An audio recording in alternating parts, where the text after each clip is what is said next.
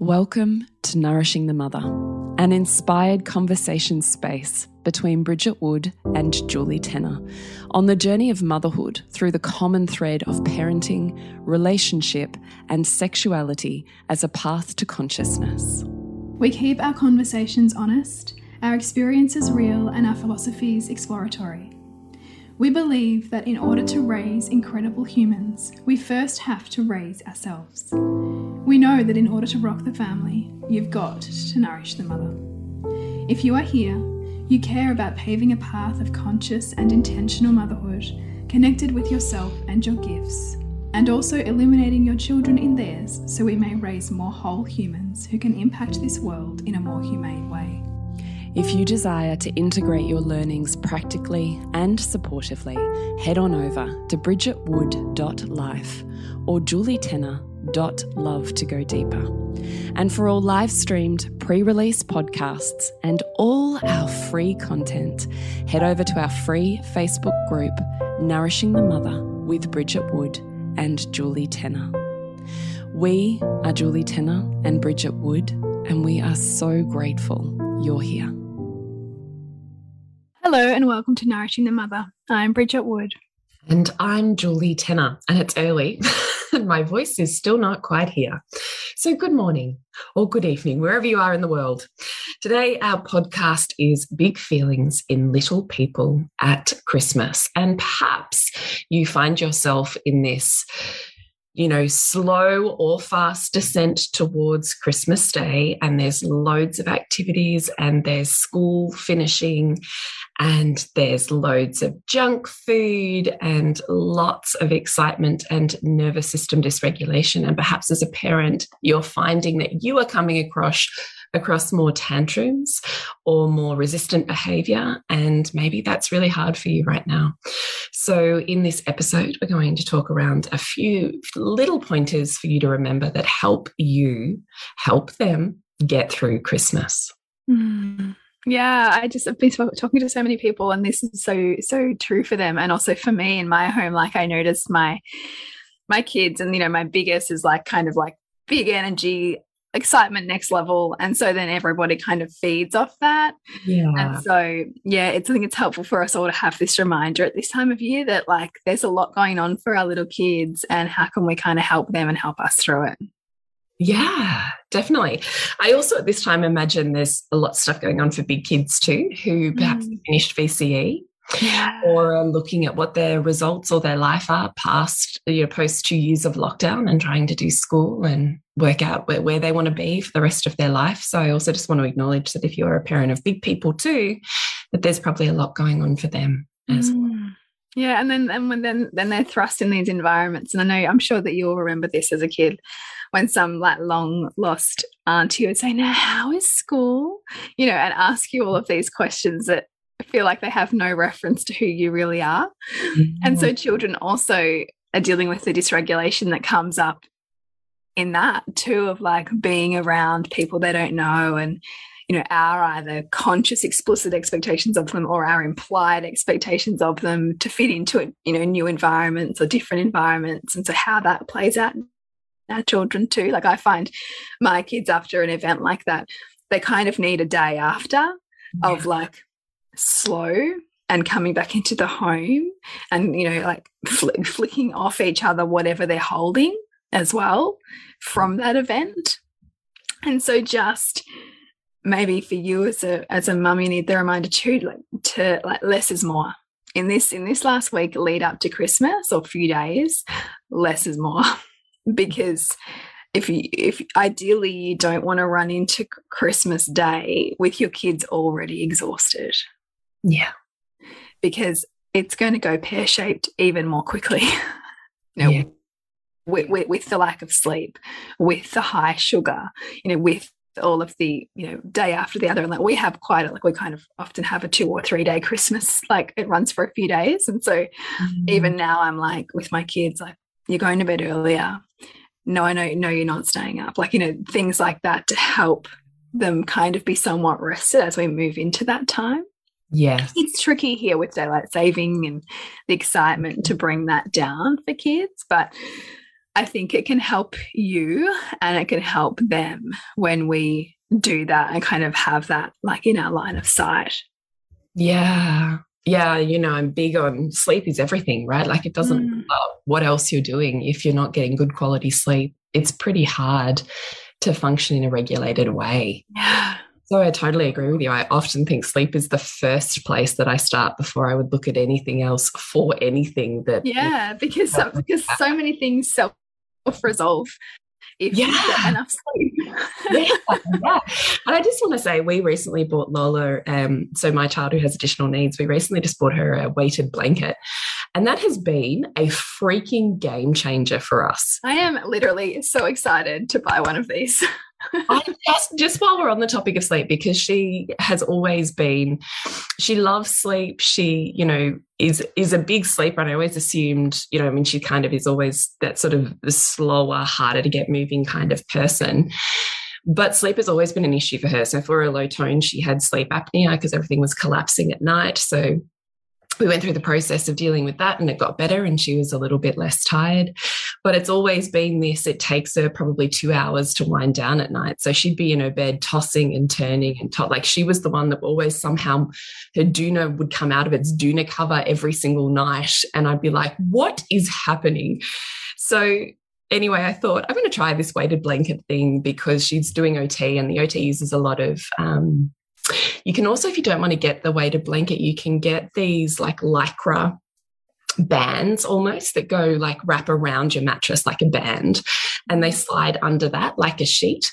So all you're looking at for down regulation is biofeedback. So it's this compression and pressure on the physical body that reminds them come down, be here, mm-hmm. you're safe. And so I had watched in my daughter's OT sessions how extraordinary that was for connecting her to her body and reducing her anxiety. So I thought it, I, she's in a bunk, so it was too hard for me to get up there and, and organize the sheet that wraps around. If she was on a bottom bed, I probably would have done that. Mm. So I thought I'd try a weighted blanket. Now she's a big kid, obviously, we're big people. So I ended up with the nine kilo one, got the glass bead one, so it's not um, hot. And I kid you not, she goes to sleep in five minutes now. It's an absolute revelation. Like Nick and I still stand there and go, what is this? this is amazing. And so she is sleeping better. And as a naturopath, I always learn every hour pre midnight was worth two post midnight in terms of restoration for the physical body. Mm. So she's just gained four hours of restoration for herself or her nourishment, she's waking up earlier in the morning. So I always assumed she liked to sleep in, but of course she's going to bed later. So she's waking up later in the morning. Now she's going to sleep earlier. She's up now with everybody at seven o'clock in the morning and she's sprightly. And I'm like, wow, it's a game changer. So just while we're on the topic, consider what you can do to offer your children the best restoration for sleep because it changes what you have to parent the next day. Mm. Which is huge, right? right. Yeah.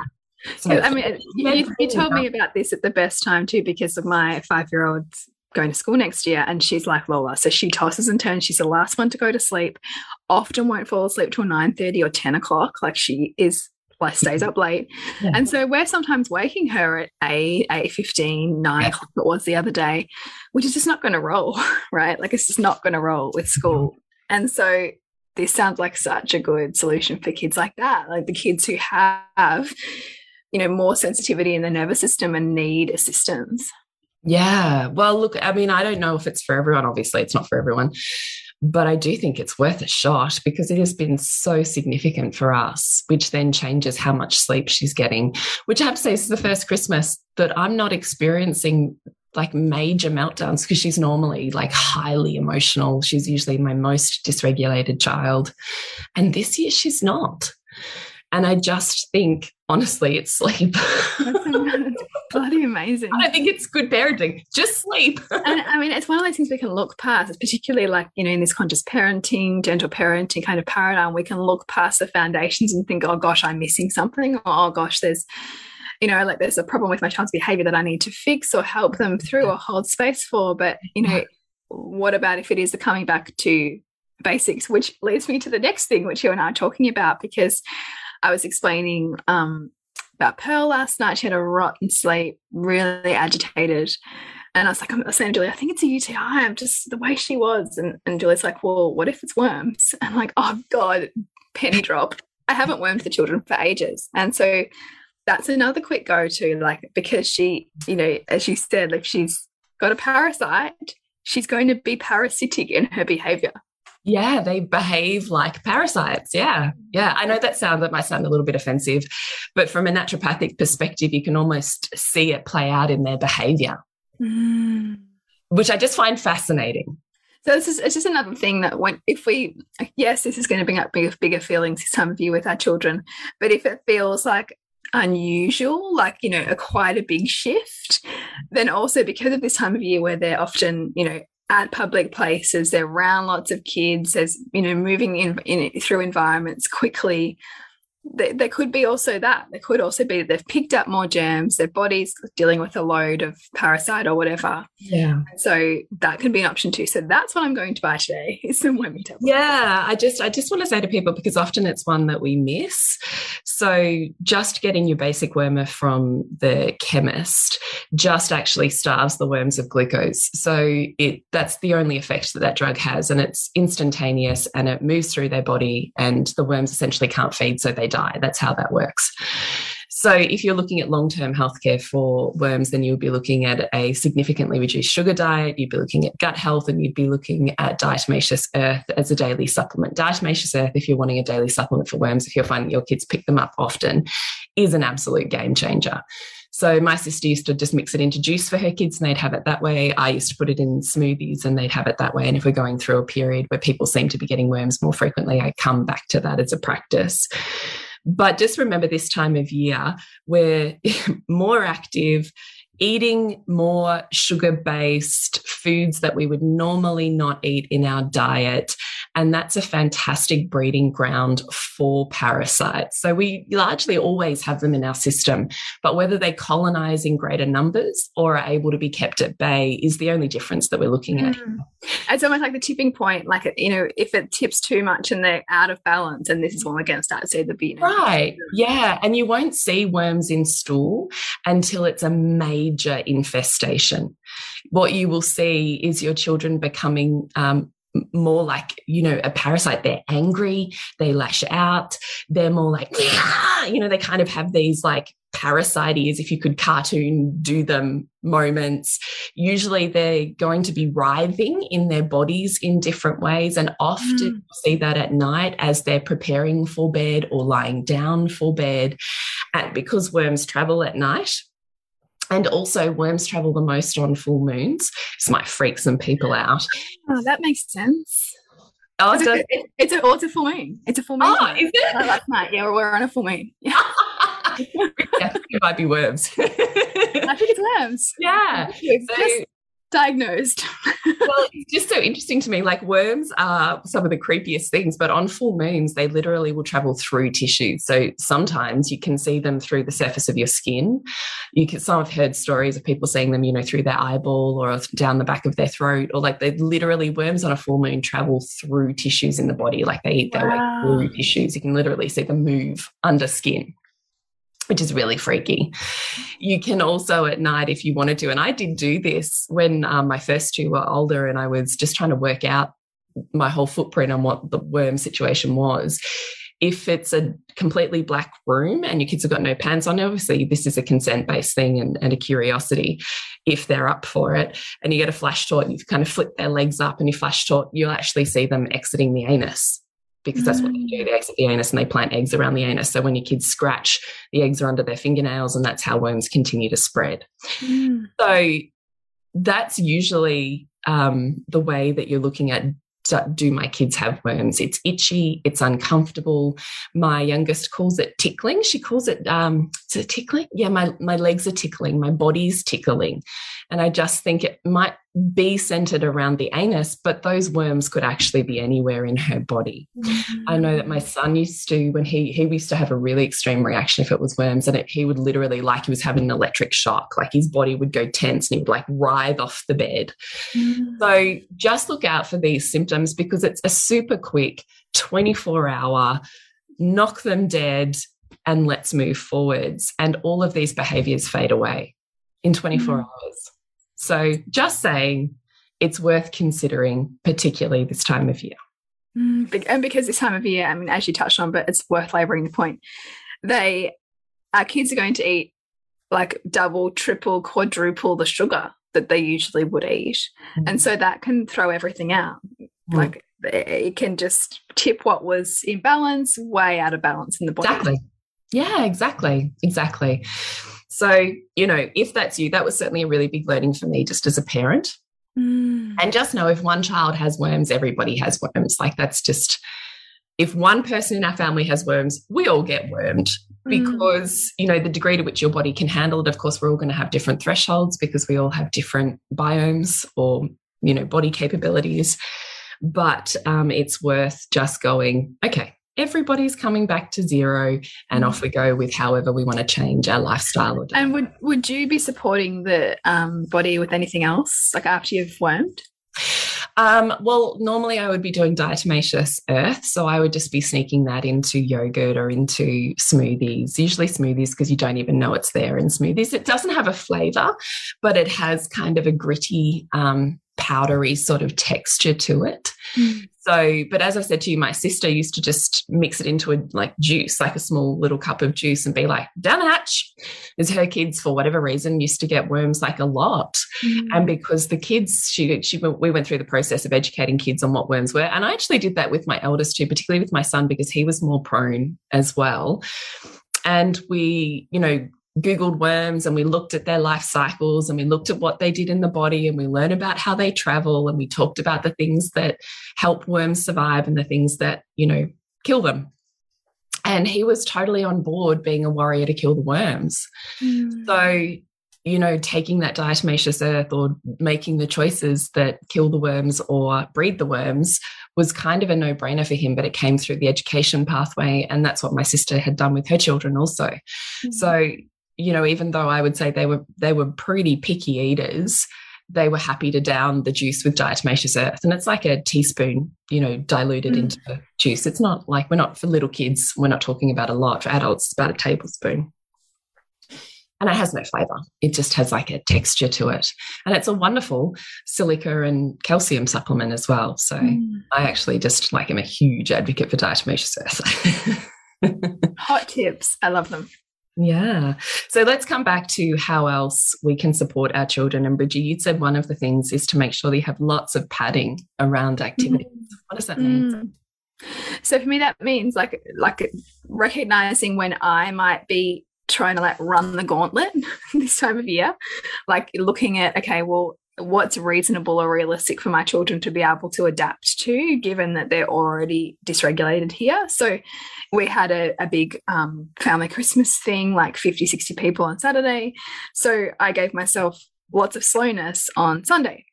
So to like, you know, let the children you know bounce their feelings off each other to let the children kind of come back into the home to kind of have conversations about people we took met and like you know what went on in the day just to help them kind of move out of that experience and kind of be ready for the rest of the week.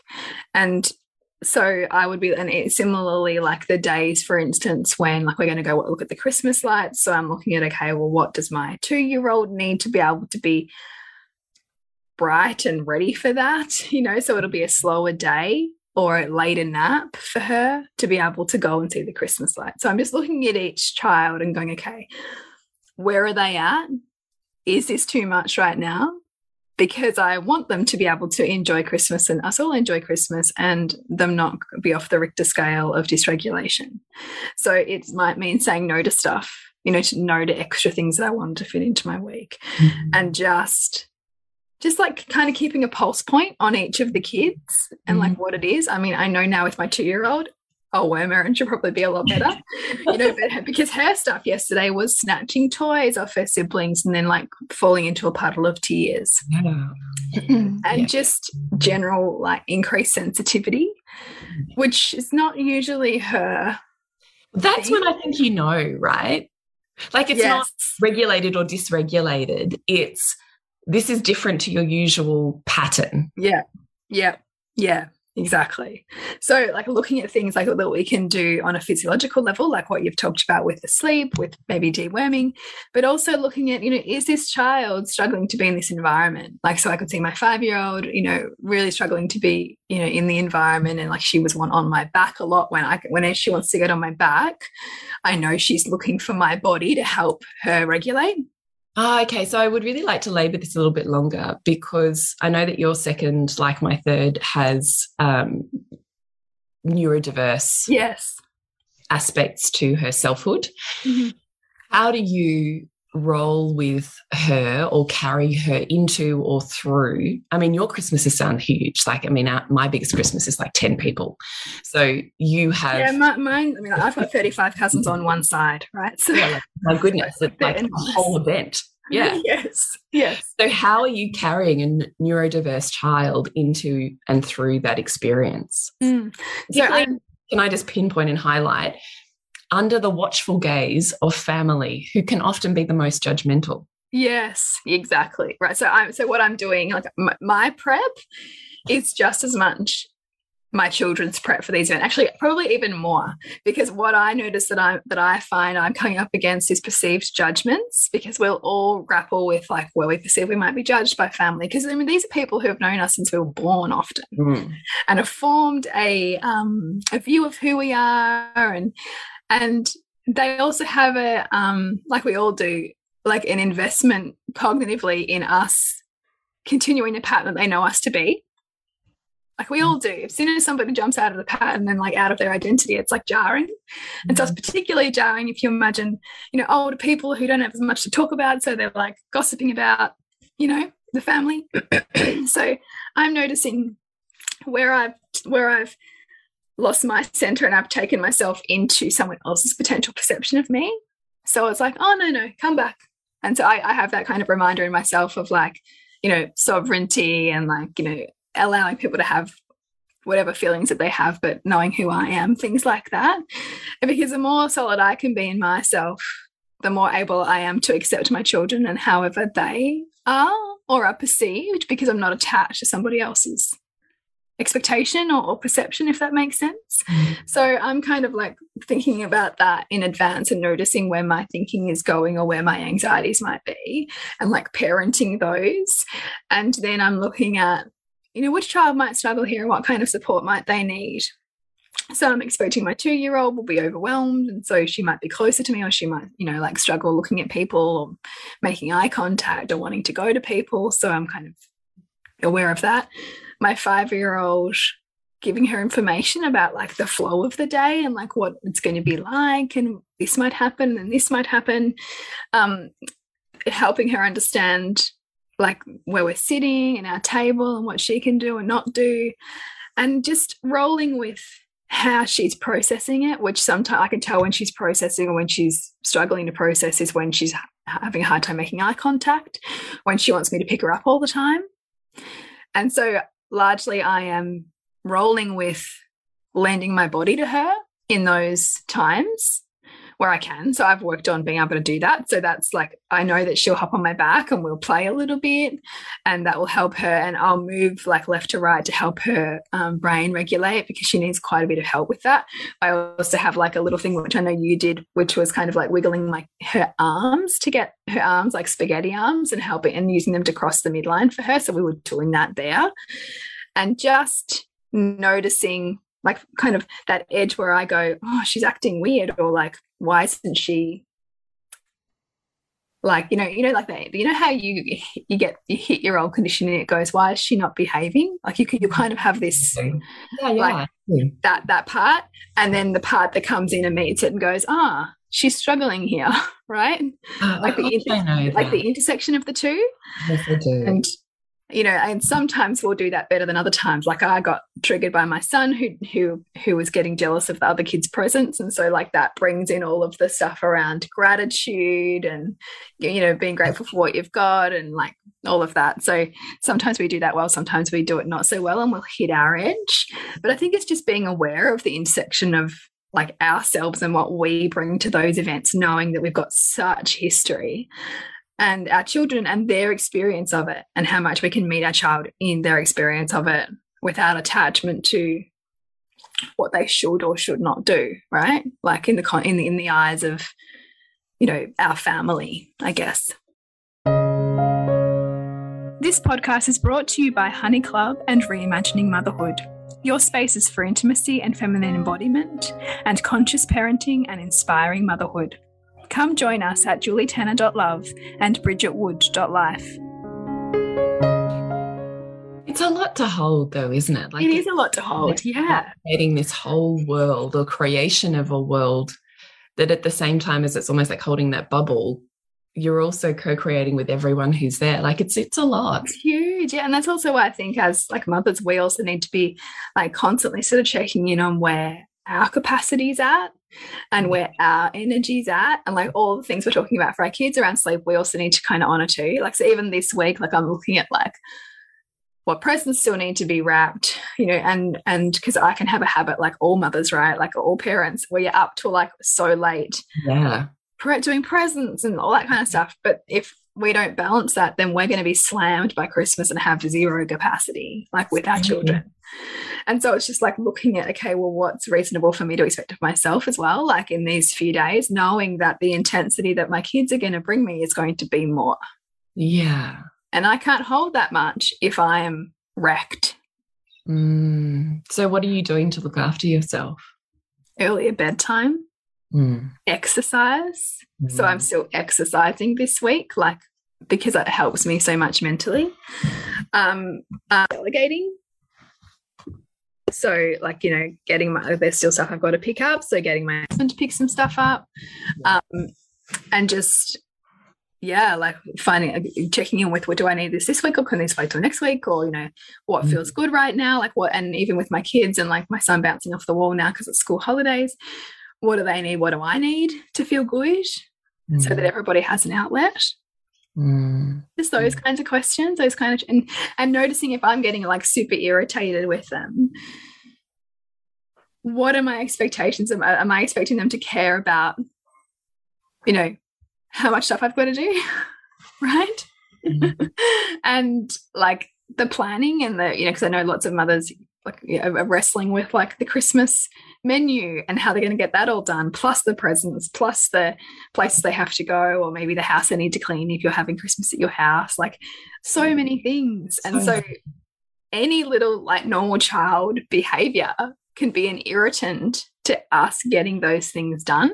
Yeah, it's true. So, like, just having gentleness and grace for yourself, like, and that intensity, and what you can do to lengthen the space in between, like, your reaction to what your kids are doing, you know, and like, or largely, or rather, the response in your body that is your activation and how you react. Like, so, like, lengthening just a little bit that space in between, mm. you, you know, your body response and how you actually react you know and yeah. so that so that's things like for me like you know the breath when i notice i'm getting irritated i often sing so i will often like sing like through my frustration sing through transitions because singing is such a powerful release and also it improves vagal tone so it actually helps us self-regulate and my kids often, if it's a stupid song that I'm singing, that then brings him into connection and it will be like the circuit breaker as well on like the behavior that feels hard.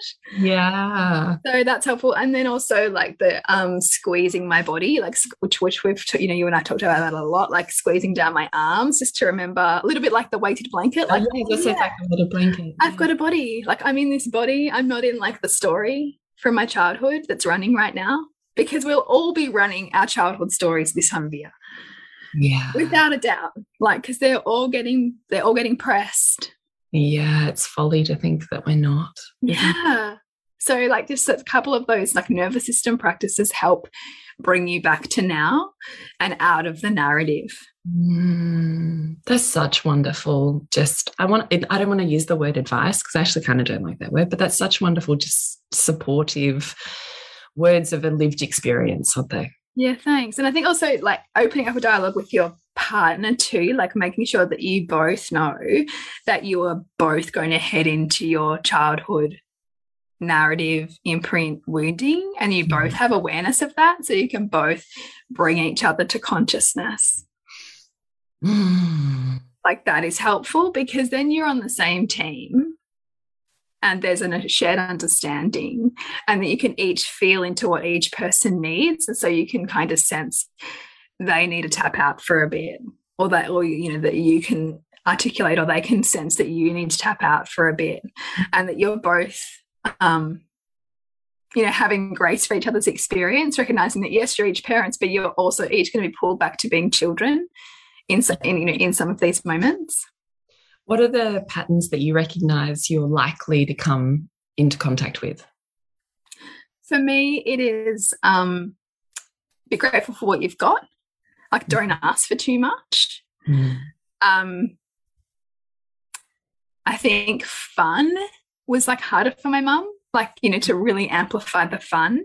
So I have to like, I come up against um, the part of me that wants to check out.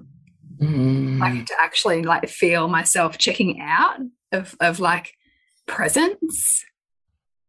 So like, and, and having a visceral sense, oh, I'm, I'm going there, like I'm dissociating here.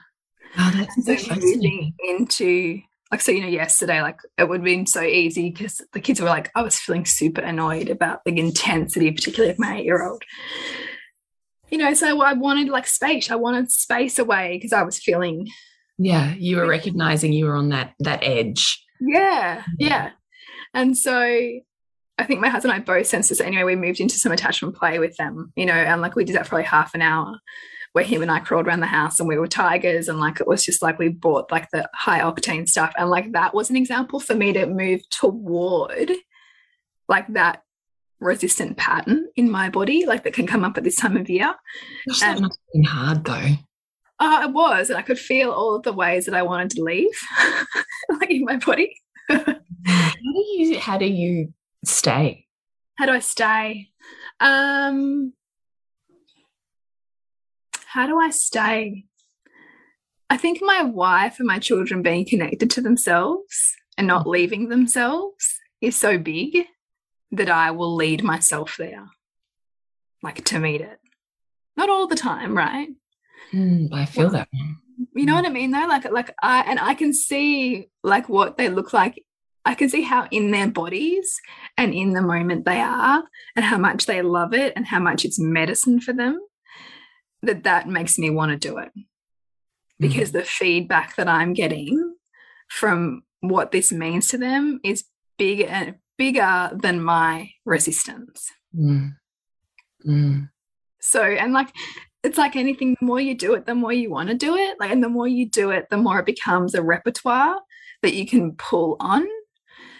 Um, and like my husband's so literate. Like I, I joke with him, and like it's like it's like it's like you've learned everything by osmosis it's like if i've had the books here and the you know the the the, the practices and everything has just got into your nervous system and you just know but in reality i think he's just more playful and he just is genius at like choosing play as a way to move toward you know connection and discomfort and stuff like that. So it also helps a lot that he's quite supportive and will meet me in it or lead me into it and mm. you know past my point of like you know i'm busy mm. right? Yeah. So we can always be busy. Like there's endless shit to do. Right endless. So like can we sometimes choose the circuit breaker in our imprint and in the family dynamic to create a different pathway mm. that's a really cool share thank you You're welcome thanks so ideals versus reality and helping our children through transitions. Mm. So, ideals versus reality, that's kind of like the ideal that my child will be, um, make lots of um, eye contact with people and they'll really enjoy themselves and they'll be a pleasure to be around and they'll be gracious of, for what they receive mm -hmm. and they mm-hmm. won't eat too much chocolate. Like, you know, like all of this, like my child is a unicorn. yeah. Versus the reality that my child might be really, really difficult to be in relationship with. Yeah. Really difficult. Yeah.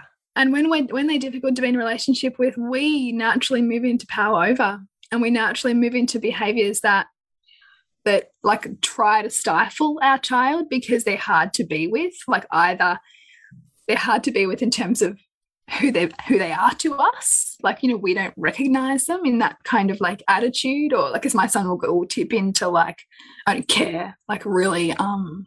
Mm. tweenish behavior right? Yeah, yeah. And so it's so like it really works me up. Yeah. And so at eight to nine though it's a i find that a really brutal age. I'm finding it brutal. Just for all you parents out there also just know they do come through it.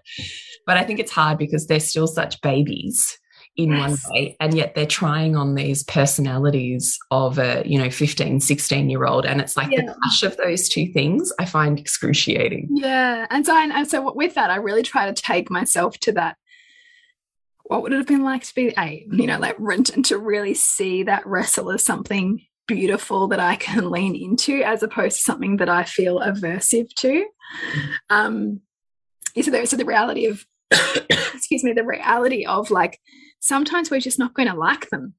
Mm. And so, but how can we still love them? Like, I can not like you and love you. Mm. And so, like that wrestle, and I think the bigger the fantasy we have on how our children are going to be at Christmas and how they're going to receive their gifts and how they're going to appreciate all that we do, the more we have attachment to that and to, and attachment to um, results or outcomes based on what we're going to do or not do, the harder it is because they bring us the nightmare. They bring us the other side that we hadn't reconciled, mm-hmm. which is that for every fantasy about Christmas being the most wonderful time of the year, it is also the darkest, dankest, most challenging time for many, many families. Totally. Many families. Mm-hmm. And you know, the more you build it up, the more some people will crash it down, or some people have to crash it down, whether that's a child in your family, whether that's someone in your broader dynamic. Um, when we create a caricature of a particular day to be all of these wonderful things, it cannot be. It just can't. It's, it's not how the world it's not it doesn't contain any duality which is what the universe is organized around so mm -hmm if we can't accept the duality within ourselves at this time of year, then we're really not going to accept it within our children. Yeah, it's really true. It's really true. What would you say around ideal versus reality? Oh, well, you know, I have Gwen. she shatters any ideal you could possibly hold. So I've just learned to not hold any in every family there's one. Well, uh, tell us about that because well, you know instance, she's just turned four, right? So she's and she's a pop. Yeah, she's like yeah, uh, four and nearly four and a half actually. Um, but she's a little bit wild, and I think I've said many times before, she's the one child that I have not actively squished that wildishness in. Mm. Like I can see my deculturalization over the course of my four children. And I can see that play out in my four children which is fascinating. And I have to watch myself to not slide into guilt on what with with the other children do you mean or or yeah taking the lens on how um I mean, everything's a co creation and everything is perfect in its creation, right? Mm. So it's a limited thought to perceive that there are more drawbacks than benefits to my elder children who I have in inverted commas through my current lens squished their wildishness mm. right so it's also flawed thinking based on my current belief system and the way in which i'm seeing the world mm. it's something i'm traversing at the moment yeah so what i'm careful of is not judging myself through judging my children for the um, culturalized behaviors that I see in them that mm. are simply not present in my fourth. Yeah, wow. You know what I mean? Does that make yeah. sense? It does, yeah. So, um, I always, it's almost, almost find parenting Gwen like a bit of a process of observing myself in society in a way that I didn't have the nervous system regulation to do with my other children. So she like will always say the wrong thing, do the wrong thing, according to society's rules. And I always have to sit there and be like, yep, I'm that child's mother. That's me. yeah. And love her through that, not judge her, get angry at her, Mm. or at myself. Mm. So it's always a practice with Gwen. And it's one actually, there's a part of me that's that enjoys because I can see that that's an edge for me and I'm okay to massage that edge within myself, like you and I do all the time, Mm. right? The place you stop is is your glass ceiling. So what happens when you move beyond it? Anyway, so for instance, we finished up kinder and the kinder teachers always give the kids a book. And for my other three children, it's been a magical experience. Like the teachers have chosen a beautiful book for them, and that book is written in, you know, love their kinder teachers, and it sits on it like we read it before Christmas, like the whole thing. So Gwen, Gwen gets this present and she looks at it and she's kind of flapping it around. She goes, Well, I hope this is not a book. and Nick and I sit there going, Oh dear, what is about to happen next? so she opens this thing. And so she goes, Oh my God, it's a book. Who would give a book? I'm going to tell them you shouldn't give a book. like this. And Nick and I were like, oh dear God.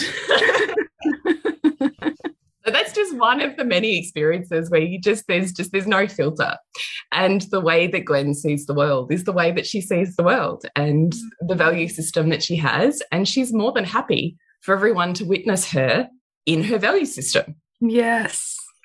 So we just kind of now I have this sense of like, of course that's what she said. Like, of course, because that's what a Gwen would do. so holding any ideal is just something that I've really learned to let go of. And I think also having a neurodiverse child who moves much slower in the world also forces you to have to re-evaluate how you're moving through those environments. So it has to be Mm. slower. It has to be more buffered. I also know the more that I think that I've planned for everything, usually the more I get sideswiped by something. So best just to be open to being with what is. So that's usually how I've worked with it. Um, and also, I just know that, you know, Gwen's going to do that stuff. And instead of getting caught up in it and making it mean something, I can just see the beauty and the value and the snapshot that that is and love the, the radicalism that she presents. Yeah. Yeah. Which is one of the biggest things as mothers to actually be with it. I mean, like Sylvie's that often for me. Although I mean each each child takes up that role, depending also on the level of my charge around it. Like if, if you've got a big thing about being gracious and appreciative, then you're gonna have the child like when you know who does that or Yeah. you know the instances like that which take you to all of your social programming and you know that threat of being outcast or perceived to be ungracious like all of that's going to come up all of it yeah. Yeah. and you hold yourself in it without like challenging your child which i mean i struggle with, with Yeah, well, it's a big deal, isn't it? Yeah, it's Yeah. a big deal. So, um, the other thing that I would say is our Christmas Day, our personal family experience has always been that we we do the rush of you know uh, Christmas presents, and then we just go to the beach. Mm. And I do still believe that that has has and continues to be the most wonderful nervous system regulation we could Mm. possibly all gift ourselves because we're literally we're on sand that's super sensory and regulation just on your feet or on your bottom or like wherever you are on the sand. It's very very sensory. We have every year swum in the sea. So you're in the sea again salt water. in- ner- nervous system regulation, body regulation, and we spend a, you know two three hours down at the beach together, just hanging out and playing, and that has always been a game changer for our Christmas day. So. If you're at Seaford Beach on Christmas morning, I will see you there because we're there every year and it is always magic and that has been and will continue to be something that I never let go of because I can see the value in by the time we're ready to come home, get dressed, and do the rush out the door to get somewhere. Everybody's able to move through that process Mm. because no one's stuck. It's like no man left behind. And, and, it becomes a really beautiful anchor that like the, the, the kids either like are aware of on some level that's going to be there for them, you know, to hold. Yeah. Yeah. Yeah. Such safety in ritual like that. Yeah. So I, I, would really offer to you what is the family ritual that you can do that creates the pause for regulation. Mm. Um, because that has always been something that's been really beautiful for my family. So, and just remember, you know, you're always going to have the kids that are inappropriate, like that. It just has to be. Yeah. And how can you just laugh and humor regulate yourself through that? Like, mm -hmm you know, that gets to be really beautiful too. I love that reminder. Yeah, and just expe expect it. And as soon as you're expecting it, it takes the edge off it because you're not trying to run away from it then. Yeah. Yeah. Yeah. Mm. So, best of luck, wonderful parents. Remember your gut health. Yes. you're going away. Take worming tablets with you. And just sleep. Yeah, and just sleep. Yeah, however you're going to roll with getting better quality sleep and more sleep pre midnight because it is worth so much more mm. than after midnight. That you've got lots of padding around activities, that you have time either side to for to expect big feelings to help them move into the transition and to mm. help them discharge and come back into connection. So either side of those activities. And remembering that we're all going to meet our childhood um, perceptions or um, lenses on Christmas and our ideals versus the reality of the co creation of family. So, to mm-hmm. hold yourself with a level of humor so that you can love yourself and your children through that. Yeah, beautiful way to end it. So, to connect with you, Jules, is julietenner.love and you, Bridge? bridgetwood.life. You can find us at nourishingthemother.com.au. Remember to nourish the woman to rock the family. Have a beautiful Christmas, and we will see you to. I'm forgetting my lines now. What are my lines? We'll see you next week when we continue to peel back the layers of your mothering journey. Wonderful. We'll see you. Thank you so much for listening. We literally couldn't do this without you.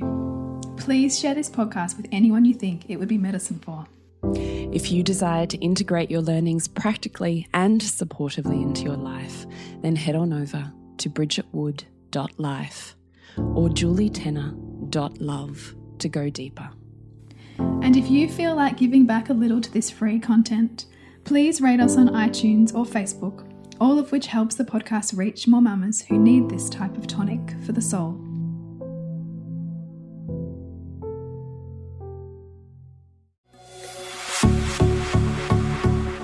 This has been a production of TheWellnessCouch.com. Check us out on Facebook and join in the conversation on Facebook.com forward slash The Wellness Couch. Subscribe to each show on iTunes and check us out on Twitter. The Wellness Couch, streaming wellness into your lives. Whilst the Wellness Couch presenter endeavor to provide accurate and helpful information to their listeners, these podcasts cannot take into account individual circumstances and are not intended to be a substitute for health and medical advice from a qualified health professional. You should always seek the advice of a qualified health professional before acting on any of the information provided by any of the Wellness Couch podcasts.